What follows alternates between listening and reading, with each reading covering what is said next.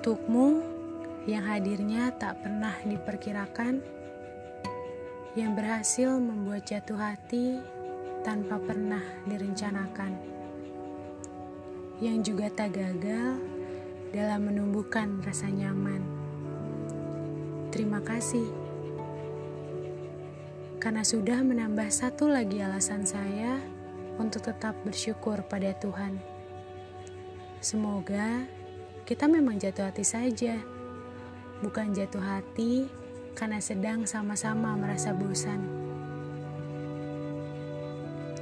Sungguh menyenangkan berada di dekatmu, tapi kita tidak pernah tahu apa yang akan terjadi di depan nanti, bukan?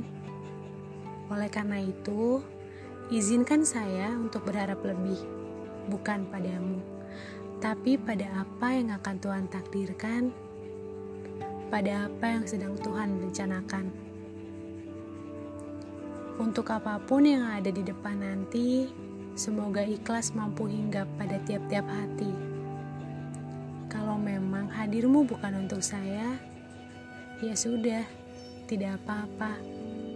Sebab saya tahu betul beda jatuh hati dengan obsesi.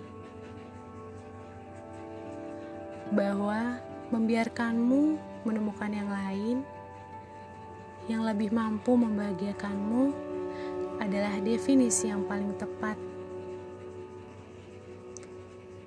dari jatuh hati. Sekali lagi, terima kasih ya.